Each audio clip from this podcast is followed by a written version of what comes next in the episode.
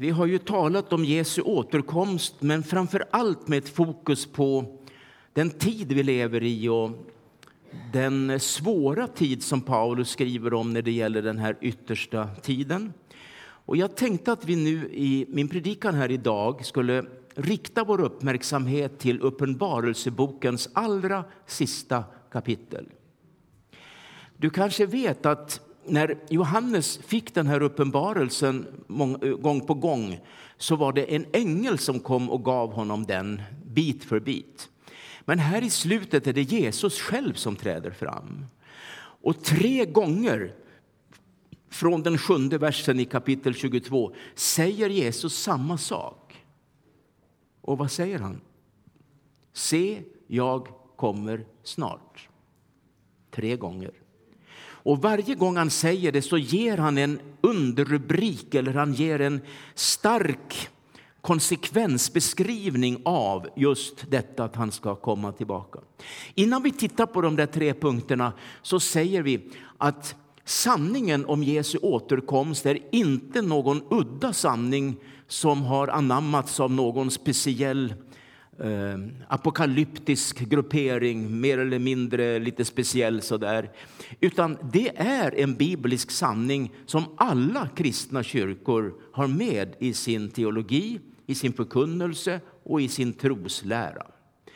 I eh, katolska kyrkan finns läran, i den lutherska kyrkan finns den, i alla frikyrkor finns den. Och så långt jag vet, i alla erkända kyrkor ut över världen, så finns sanningen om Jesu återkomst med. Och när våra vänner lutheranerna har sina eh, högmässor så bekänner de varje gång detta i trosbekännelsen. Jesus är himlafaren, säger de sittande på Faderns högra sida och därifrån igenkommande till att döma levande och döda. Även om vi nog predikar lite olika och kanske tolkar det lite olika så är ämnet som sådant verkligen anammat över hela Kristi kropp. Och det tycker jag är intressant att få säga eftersom det finns de som kanske tror att det här är bara för lite udda, speciella kristna. Vi har det här ämnet både i Nya testamentet såväl som i Gamla. I Gamla möter vi profeter som siar om och profeterar om att Kristus ska komma igen. I Nya har vi Paulus och de andra apostlarna. Vi hörde ju ett sånt fint exempel på det här inledningsordet som talar om och ger oss en teologisk bearbetning av ämnet Jesu tillkommelse. Och jag tycker kanske att det är allra mest intressant att läsa Jesus. Att han själv talar i evangelierna, inte minst i Matteus 24 och även kapitel 25 som vi pratade om igår. Han talar om sin egen återkomst. Och nu går vi till nämnda text här i slutet av Uppenbarelseboken och jag börjar med den sjunde versen. Jesus säger, och se, jag kommer snart. Salig är den som håller fast vid profetians ord i denna bok. När Jesus här proklamerar med stor frimodighet att han ska komma snart så uppmanar han sina åhörare att hålla fast vid det profetiska ordet. Det är den lärdom vi ska dra av den här lilla versen. I den sista tiden är det viktigt för de troende att ha någonting att hålla fast vid. Vi lever inte i gungfly, vi, vi lever inte borta från de, den starka fasta klippan eh, där så att det, det, bara gungar under fötterna på oss. Utan vi har verkligen någonting att stå på och vi har någonting att hålla fast vid när tiderna blir svåra, som de blir mer och mer nu. Det är ett faktum så. Nu säger Jesus att vi ska hålla fast vid det profetiska ordet. Det profetiska ordet har två dimensioner. För det första så har vi den heliga skrift, Bibeln, och särskilt då Uppenbarelseboken som ju är en profetisk bok som hänvisas till här. Men hela Bibeln är ju profetisk i en mening. Det är, den prof det är profetians bok. Och jag kan säga att det judiska folket som är Guds egendomsfolk är det profetiska folket som bär på den gudomliga profetian inympad djupt i deras folksjäl att Gud kommer att fullborda någonting med sitt egendomsfolk. Och då är det inte så som en del teologer menar att Gud har förskjutit sitt folk och lämnat Israel till förmån för den kristna församlingen, utan han har båda, både det judiska folket och församlingen som eh, det folk genom vilket han arbetar här eh, med hoppets budskap i framtiden. När jag ser på detta med profetian så är det Bibeln alltså, det är det första. Men som profeteras det ju också i våra möten ibland. Förr var ju vanligt.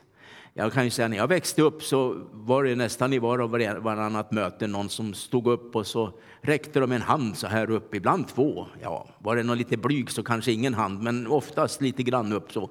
Och så sa någon, så säger Herren. Och så kom det ett budskap. Och ibland var det där budskapet bra, men det var inte någon sån där väldig udd eller så där väldig uppenbarelse. Det var lite bibelord och det var bra. Det var inte något fel på det. Och andra gånger var det otroligt bra. Då kände vi att det lyfte.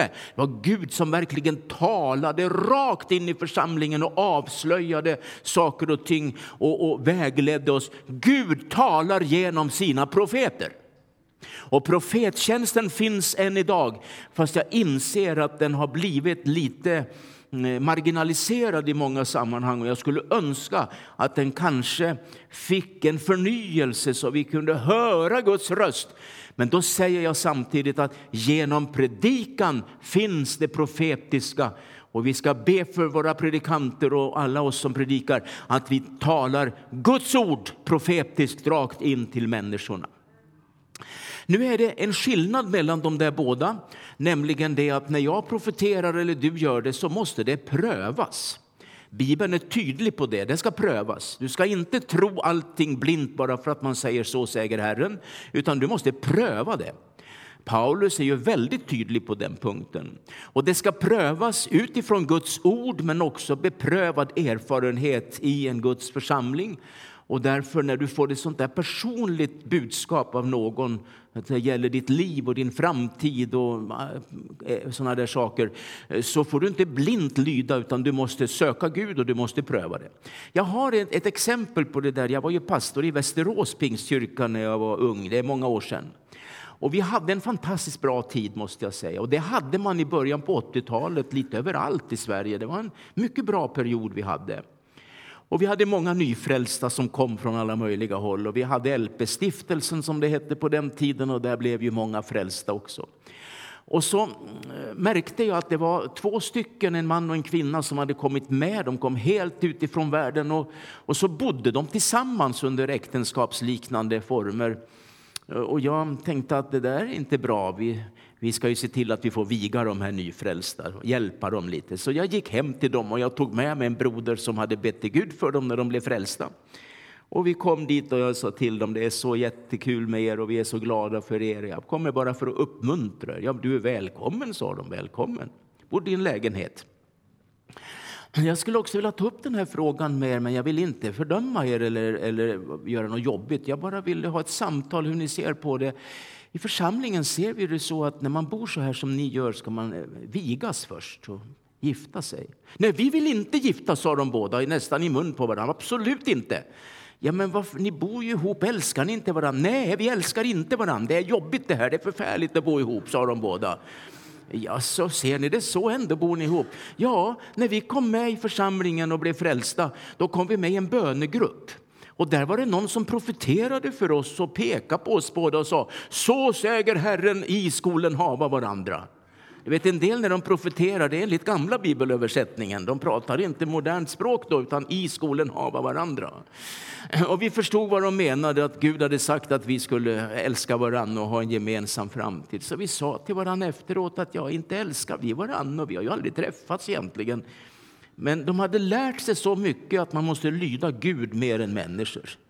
Så ja, men vi får, väl, vi får väl försöka då, sa de. Kan inte du flytta in hos mig, sa en av dem. Då. Ja, och så prövar vi det där lite grann och så, och så kommer jag dit och, och ska försöka gifta dem ihop. Aldrig i livet, sa de. Jag vill, det går inte, sa de. För att, ja, men måste vi bo ihop? Gud har ju sagt det. Nej, ni behöver inte bo en dag till ihop. Jag kan sära på er direkt, sa jag till dem.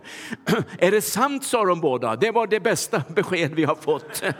Underbart! Och så tittade de på varandra och så blev de glada helt plötsligt att vi behöver inte bo ihop. Va? Därför att de hade hört en profetia utan att pröva den.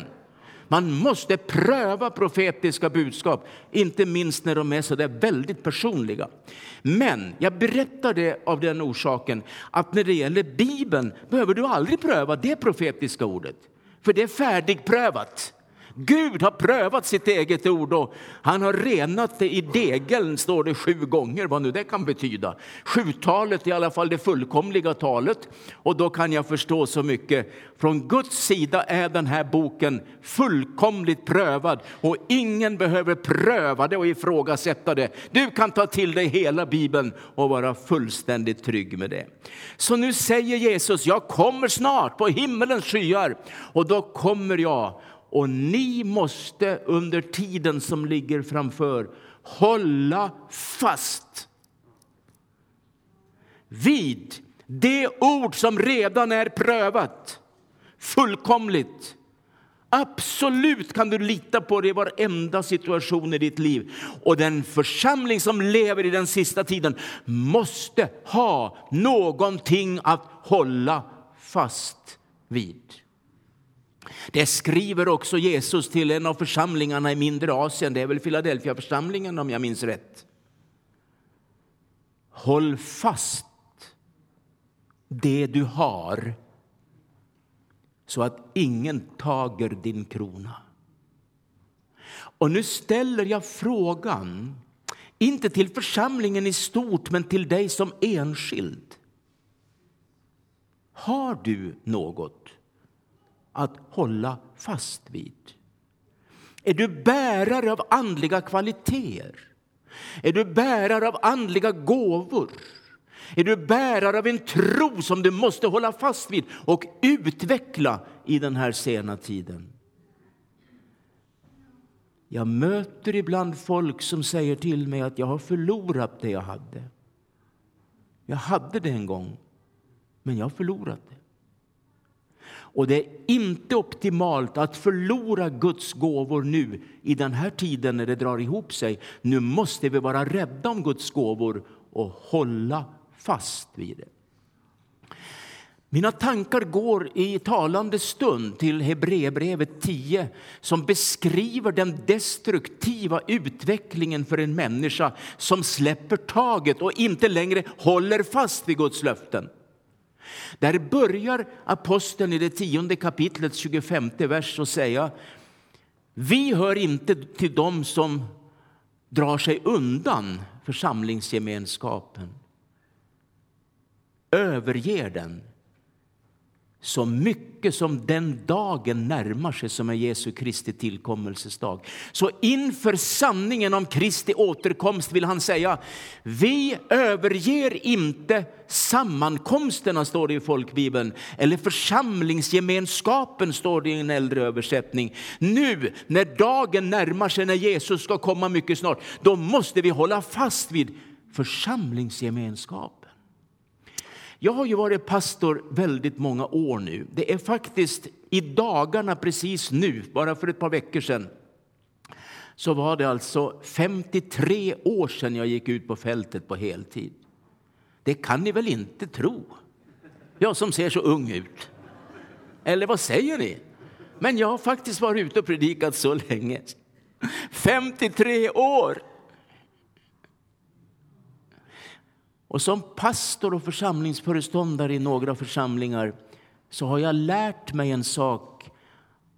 Att det första tecknet hos en kristen när man inte längre håller fast utan börjar släppa taget det är inte att man släpper taget om sin tro eller förlorar den.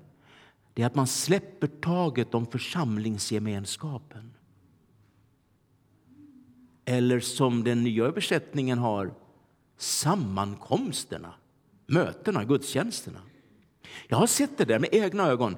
Medlemmar var aktiva, var med jämt, brinnande och så händer det någonting och så ser jag dem inte på en, två, tre, fyra söndagar och jag börjar undra vad är det som har hänt? Och jag som pastor jag blir orolig och tänker vi måste, jag måste be för den där personen eller den där familjen eller den där gruppen. Jag har inte sett dem på så länge för jag vet, förstår du, att om det är ett uttryck för att man inte längre håller fast vid det man ska hålla fast vid, då är det bara första steget i sin destruktiva utveckling. Men man kan ju vara sjuk eller vara gammal eller någon annan sån där legitim orsak. Det är en helt annan sak. Och mycket riktigt, när jag får ett djupt samtal med en sådan person så visar det sig att det är inte bara församlingsgemenskapen man släpper taget om utan också något mer. I Hebreerbrevet 10 ser jag i vers 35, kasta inte bort din frimodighet som har stor lön med sig. Det första man kastar bort är församlingslivet och församlingsgemenskapen. Nästa steg är att man marginaliseras ifrån, släpper taget om sin frimodighet mot Gud i sitt böneliv. Man ber nog böner fortfarande, men man har inget böneliv som flödar längre. Man kan nog sucka till Gud en bön om man får ont någonstans eller det blir en sorg att någon dör eller man blir avskedad från jobbet. Men bönelivet som flödade tidigare natt och dag i ett Abba fader här i sitt hjärta, det har ebbat ut. Och frimodigheten mot församlingsmedlemmarna, den är borta. Och mot de ofrälsta, vittnesbördet förekommer inte längre. Och frimodigheten mot sig själv. Man intalar sig själv ett falskt budskap. Det är bra ändå, du behöver inte vara med i kyrkan. Det där eh, eh, kan du inte lägga tid på längre. Du måste hitta på någonting annat. Och det sista steget, det har vi alldeles i slutet, vers 38 och 39. Vi hör inte till dem som drar sig undan och förlorar sin tro. Det börjar aldrig med tron, men det slutar med tron om man inte gör något åt sitt problem. Och när man har förlorat sin tro, då säger nämnda bibelvers och går förlorad. Jag upplever att jag ska tala här ikväll inför Jesu återkomst till någon särskilt, men jag talar till er alla. Att den som inte håller tag i Jesu kors, håller tag i nåden, tar tag i Jesus, tar tag i löftena och vad du nu vill uttrycka det med för ord, utan släpper taget lite sakta, sakta, successivt. Det är en process som är negativ. Och den slutliga destinationen för en sådan utveckling, det är att du förr eller senare förlorar din tro. Och nästa kapitel i Hebreerbrevet, det elfte, säger ingen kan leva med Gud eller täckas Gud i gamla översättningen utan att tro.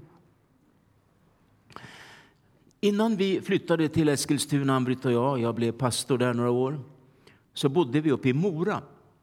Där trodde vi nog vi skulle bo resten av vårt liv, för att där är jag, det är mina hembygder. Men så blev det inte. Men jag var också pastor lite grann i församlingen där några år samtidigt som jag reste väldigt intensivt över hela världen. Och då var det så att ute i Bonäs, det är en by som ligger precis norr om Mora, en ganska stor by. Där fanns det en gammal baptistförsamling som nu, just innan vi flyttade dit, de gick samman så det blev en, en, en ny församling av pingstförsamlingen och den här EFK-församlingen i Bonäs. Och så byggde de ett, en kyrka på 1850-talet och nu, sku, nu var det alltså 150 år sedan och det var en högtid som jag skulle leda.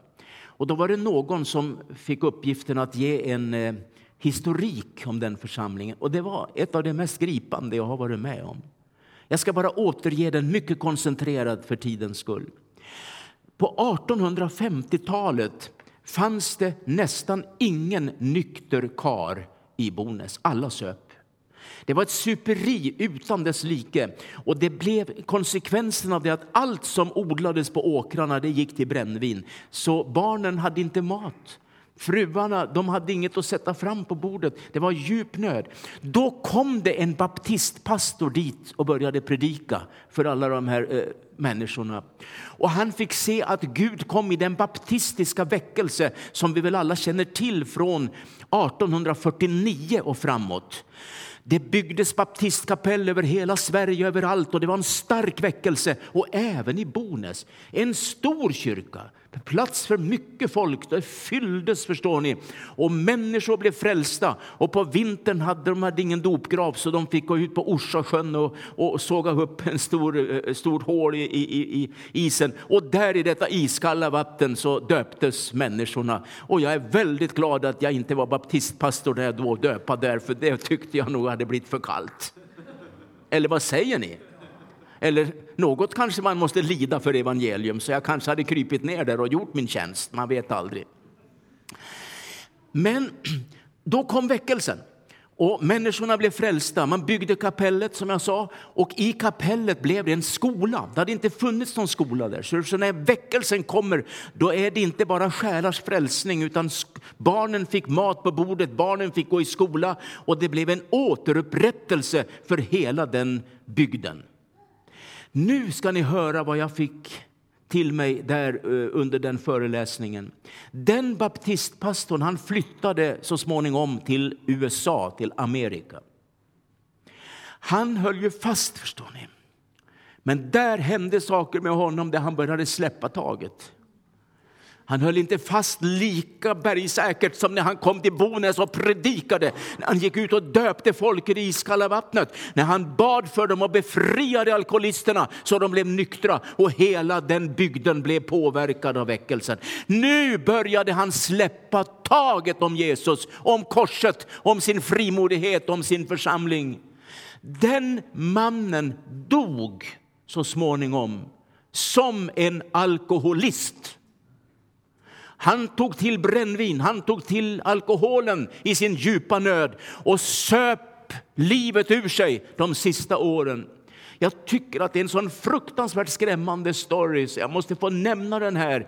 När man släpper taget om det som Gud har gett så kan det bli vilka urglidningar som helst. Den ena efter det andra kan hända så nu måste vi alla bestämma oss för, nu håller vi tag i det som Gud har gett oss. Vi har verkligen någonting att hålla fast vid. Vi håller fast vid Jesus, vid korset. Och här talar vi om det profetiska ordet. Nu går vi till nästa vers. I tolfte versen säger Jesus samma sak. Se, jag kommer snart. Och vad är det nu för budskap han ska ge? Jag har med mig min lön för att ge var och en efter hans gärningar. Vad säger ni om det i Karlstad? Är ni intresserade av lön? Ja, ni bara skrattar. Ja, men om inte lönen kommer den 25, vad gör ni då? Tackar ni Gud, då slipper vi de där pengarna i alla fall. Eller ni ringer och mejlar och smsar till chefen, vad har hänt? Vi måste ha vår löning. Och ni pensionärer, om inte pensionen kommer, då får de väl höra på kontoret att det finns levande pensionärer som kan ställa frågor. Ja, det, det är i alla fall en pensionär som håller med mig där. Vi är två som har, äh, har samsyn här. Hörni vänner, när Jesus kommer på himmelens skyar på ett moln, så står det, då kommer han för att belöna oss efter våra gärningar. Och nu ska du inte tro för ett ögonblick att det här menas att du blir frälst genom dina gärningar, så vi har en gärningslära att predika. Ingen följer med upp i luften Herren till mötes därför att du har gjort goda gärningar. Det är bara nåden och barmhärtigheten som vi tar emot genom Jesus som gör att vi blir frälsta. Men en konsekvens av frälsningen, det blir gärningar. Och de kallas i Bibeln för trons gärningar. Gör ni såna? Ja, det är klart att ni gör. Menar, när du står här, pastor Sam, och talar om de här tiggarna. Nu måste, vi måste göra något vänner, sa eran pastor. Och han kopplar in kommunen också, det är ju helt otroligt. Och så säger ni måste göra någonting, gärningar ska ni göra. Vad var det för gärning han pratar om? Trons gärningar. Annars kunde man ju säga att de där får skylla sig. Vi har ingen De kan gå till sina länder och de får ta hand om dem bäst de kan. Men här har ni en pastor som, som talar trons gärningar till församlingen. Vi är kallade att göra en gärning också i kärlek. När Kristus kommer på himmelens skyar så säger han, jag kommer för att belöna er. Och det sa han i bergspredikan också för den delen. I sjätte kapitlet till Matteus så säger han i början, när ni ger allmosor, pengar, då ska ni inte stå i gathörnen och skryta med det, för då har ni redan fått er belöning från människorna. Om ni ska få någon belöning från Gud, då ska ni ge det i det fördolda. Och sen pratar han om bön i ganska många verser. När ni beder, gör inte som hycklarna. Stå i gathörnen och bedja så det hörs i hela kvarteret och alla säger vilken gudfruktig bedjare. Det är ju helt fantastiskt. Och så får du din belöning från människor. Gör inte så, säger Jesus. Nej, gå in i din kammare, stäng dörren om dig och bed till din fader som är i det fördolda och som ser i det fördolda och som vet i det fördolda. Alla de tre orden finns i texten. Halleluja. Belöning från himmelen. Och sen pratar han om fasta. Det verkar jobbigt. Varför skulle han prata om fasta mitt i alltihop? Utan mat. Och då säger han, när du fastar då blir du ju lite blek i huden. Och det, det, eh, inte går ut så mycket, men det går in istället. Så, förstår ni vad jag säger nu? När ni fastar så märks det. Och alla ser att du fastar. Och alla säger, vilken gudfruktig person som fastar så mycket. Åh, oh, vad fantastiskt. Då får du din belöning från folket. Men om du ska få din belöning från Gud, då måste du kolla, kära broder, i din hustrus necessär. Där finns det tuber och flaskor och liknande. Det kallas, kan jag upplysa dig för, make-up. Låna lite grann där och kleta på din hud så, så att det inte syns att du blir så där blek och tanig. För då ser de inte att du fastar och då får du din belöning ifrån Herren. Visst är det väl bra ordnat i Bibeln? va? Det står faktiskt så. Ja, ja, det står inte makeup, det står olja, men det är ju samma sak. Det betyder ju precis samma sak. Amen. Är ni med? Ja, jag märker det. Det är härligt att ni är med. När Jesus kommer på himmelens skyar kommer han för att belöna oss. Och nu kan inte jag predika mer om det, för jag vet inte hur det är. Jag har inget ljus över det. Är det någon annan som vet? Vad är det för belöning? Jag hade svårt för de där texterna i min ungdom. Jag sa till Gud så här, ja, men jag vill inte ha någon belöning Gud, det är bara nåd, jag får predika, det är, det är nog för mig. Jag kan avstå belöningen bara du släpper in mig i himlen när det blir dags. Jag bara kommer innanför dörren bara vet du Gud. Bara innanför lite, bara med båda fötterna så där, så då är jag nöjd. Precis, då är det helt okej. Okay. Men jag har ändrat åsikt. För om Jesus utlovar belöning, då tror jag det är någonting härligt som inte jag vill missa. Så jag ber istället, Herre, jag vill ha all den belöning du bara har på gång. Jag vill inte missa någonting, Herre, ge mig alltihop. Halleluja. Och Bibeln säger att när han kommer på himmelens skyar ska vi höra ett maktbud och en överängels röst och en Guds basun. Det är en väldig aktivitet i himlen förstår du när det här ska ske. Och alla de som har dött i tron på Jesus, och det är många det. De ska uppstå. Det här skriver Paulus om i Thessalonikerbrevet. Och nu talar vi inte om den yttersta domens uppståndelse när alla ska uppstå. Nu talar vi om det som, eh, det som Bibeln kallar för den första uppståndelsen. Den sker i samband med Kristi återkomst. Och i samma ögonblick, eller i alla fall i sekunden efter, då ska alla de som lever på jorden och tror på Jesus och är överlämnade åt honom och kallas för Kristi brud förvandlas. Jag tror att förvandlingen för Kristi brud som lever på jorden och uppståndelsen för dem som har uppstått just då, det är i grunden samma sak, samma art av upplevelse.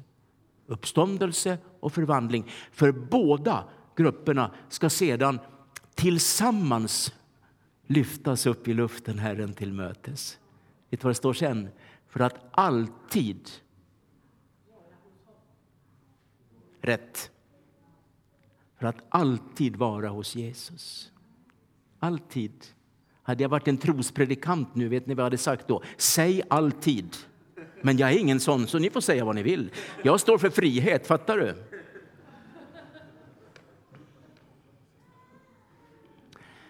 Min pappa ska uppstå då. Bertil. Han var pastor här uppe i Hagfors när jag var en ung kille. Och då var jag i Karlstad i Pingstkyrkan en påskhelg. Är det någon av er som var med på ungdomskonferensen här påsken 1956? Ja, jag var ju här. Var jag själv? Finns det ingen som var med då? Här, ni tanter, höll jag på att säga, da, da, systrar menar jag.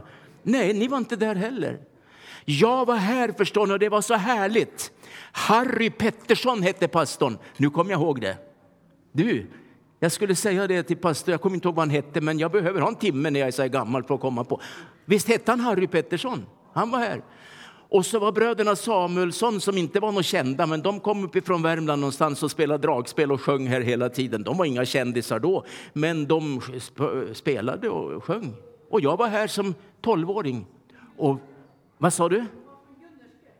Var var de ifrån? Gunnarskog, ja just det, Gunnarskog. Ja.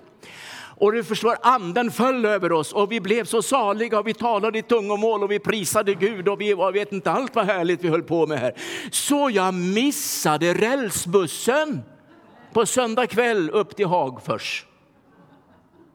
Och då gick jag till pastor Pettersson och sa jag har missat rälsbussen, sa jag. Ja, då får vi väl lägga in dig någonstans här, sa han. Så jag fick sova på hans kontor här någonstans i huset. Och så ringde han till pappa och mamma och sa han kommer imorgon. så det var min första erfarenhet av pingstförsamlingen i Karlstad.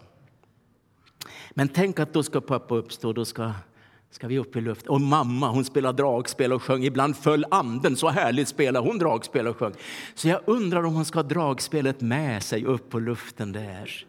Tänk om hon har det och sett, nej det har hon inte, jag vet, men det skulle vara fint om hon hade det. Och min bror som dog när han bara var 47, nyss fyllda. Det var sorgligt. Det var min svåraste begravning som jag haft. Det var hemskt svårt. Jag sa till hans fru, jag klarar nog inte av det. Tänk om jag börjar gråta mitt i begravningen när jag står där för kistan. Ja, men gråt en stund då, sa hon. Det är väl inga problem, då kan vi väl alla gråta en stund. Och så fortsätter du sen. Hon löste mig och Gud hjälpte. Och han sa alltid när han ringde, tjenare brorsan. Jag ska lyssna när jag kommer upp i molnen en bit. Det kanske är någon som säger så. Tjenare brorsan, det var länge sedan sist. Jag undrar om inte det är Åke då som... Nej, han säger inte det. Han blir så upptagen av Jesus. Du förstår, då säger Johannes i sitt brev, då ska vi se Jesus sådan som han är. Och det är bara Jesus, vi blir så uppfyllda av Jesus. Så dragspel och gamla ord som vi hade under jordelivet, det får vi lämna kvar. Det blir bara Jesus. Och jag hoppas att ni alla vill vara med. För nu är jag inne på sista punkten och den blir koncentrerad. Jesus säger för tredje gången här i vers 20. Ja, jag kommer snart. Amen. Kom, Herre Jesus. Gensvaret.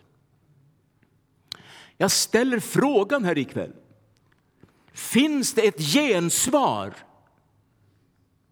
ibland oss som är samlade här inför detta Jesusord, jag kommer snart?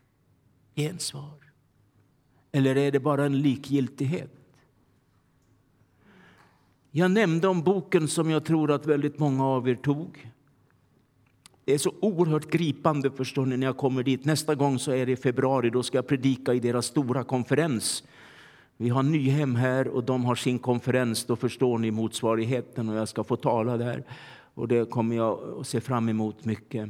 Men när jag kommer dit och så tänker jag mig att jag kommer in i bussen och där har de en liten kyrka som är gjord av gräs och, och, och kospillning och sådana där enkla saker. Det är så fruktansvärt enkelt. Och ett grästak. Och jag lägger örat till och där inne finns det kvinnor som beder. De är helt nyfrälsta, de har bara varit frälsta några veckor.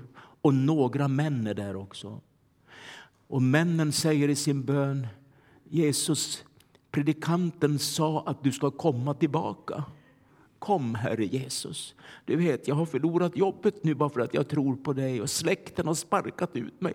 Och kvinnorna säger i sin bön, kom Herre Jesus. Min man sparkade ut mig och hotar att jag aldrig får komma hem om jag ska vara kristen. Han tvingar mig tillbaka till den muslimska tron. Jesus, kom snart. Gensvar. Jag går över havet till Brasilien där jag har varit så mycket och predikat i massor av städer genom årens lopp. Och jag har varit i de fattigaste favelorna och predikat för där finns det ofta stora församlingar. Men jag har också varit i medelklasskyrkor där medlemmarna är förmögna och rika och de har det mycket bra ställt. Jag ser på parkeringen utanför att det är de finaste Mercedesbilarna och BMW-modellerna som står där. Och de där människorna de har egna företag, de tjänar mycket pengar, de är de lyckade människorna. Men när jag lägger örat till i den där församlingen så hör jag hur de beder. Jesus, du vet den nya bilen, jag blev inte lyckligare. Och det ändå större huset vi kunde köpa förra året, det, det blev ingen större lycka för det. Men Herre, vi har sett i ditt ord att du ska komma tillbaka och hämta oss hem. Kom, Herre Jesus. Materialismen gav inte det som vi trodde. Nu bara längtar vi hem till din himmel. Så kommer jag hem till Sverige. Jag ser en skolgård och en liten pojke eller flicka som är tio år eller tolv går lite lova runt alla de andra kamraterna för den här personen och barnet känner sig utstött. Det är nämligen så att på lägret blev den här lilla flickan frälst. Eller om det var en pojke, blev döpt i pingstförsamlingen fram på höstkanten. Och nu har det blivit känt med kompisarna och det har blivit ett utanförskap. Du är kristen du. Och jag hör bönen. Jesus, det här är jobbigt. Jag får inte vara med. Jesus, jag vet att du ska komma tillbaka. Kan du inte komma snart? För jag vill inte vara här längre, för det här är så svårt. Gensvar.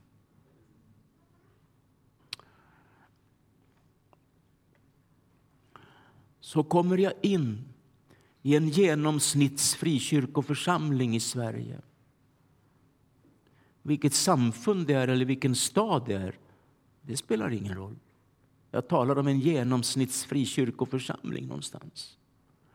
Och jag lägger örat till för jag vill höra i denna fina, respektabla församling med utbildad pastor eller präst och en kör som sjunger helt fantastiskt och en orgel som organisten behärskar och lovsångsteam som är utöver det vanliga. Och jag lyssnar. Finns det ett gensvar? Men jag hör inte det. Jag lyssnar ändå djupare, men jag hör det inte.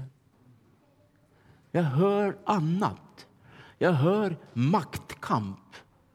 Det ska snart bli årsmöte och posterna i styrelsen är åtråvärda och man kämpar om dem. Jag hör lite bitterhet här och var. Jag lyssnar in tonlägen av avund och lite av varje av det där som tillhör köttets gärningar. Men när jag lyssnar riktigt djupare och no mer noggrant så hör jag någon som har ett gensvar. Och någon ytterligare och någon där och någon där. Precis som i församlingen i Laodikeia. Om någon i församlingen hör min röst och öppnar dörren då ska jag gå in till denne någon i församlingen och hålla måltid med den.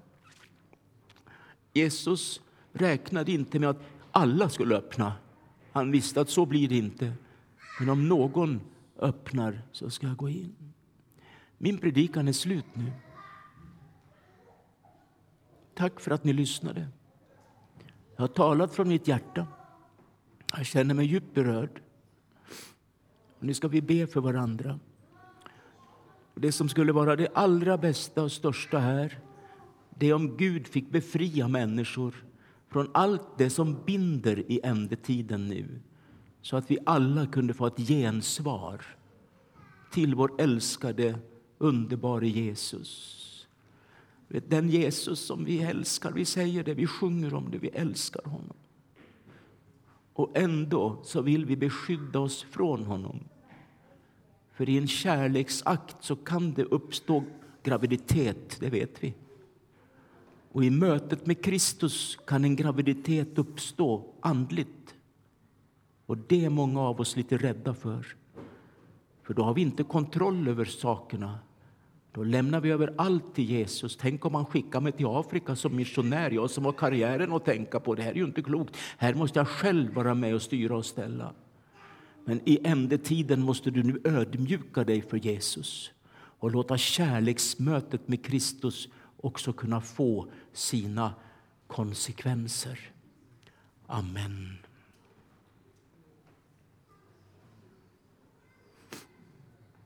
Tack, Jesus.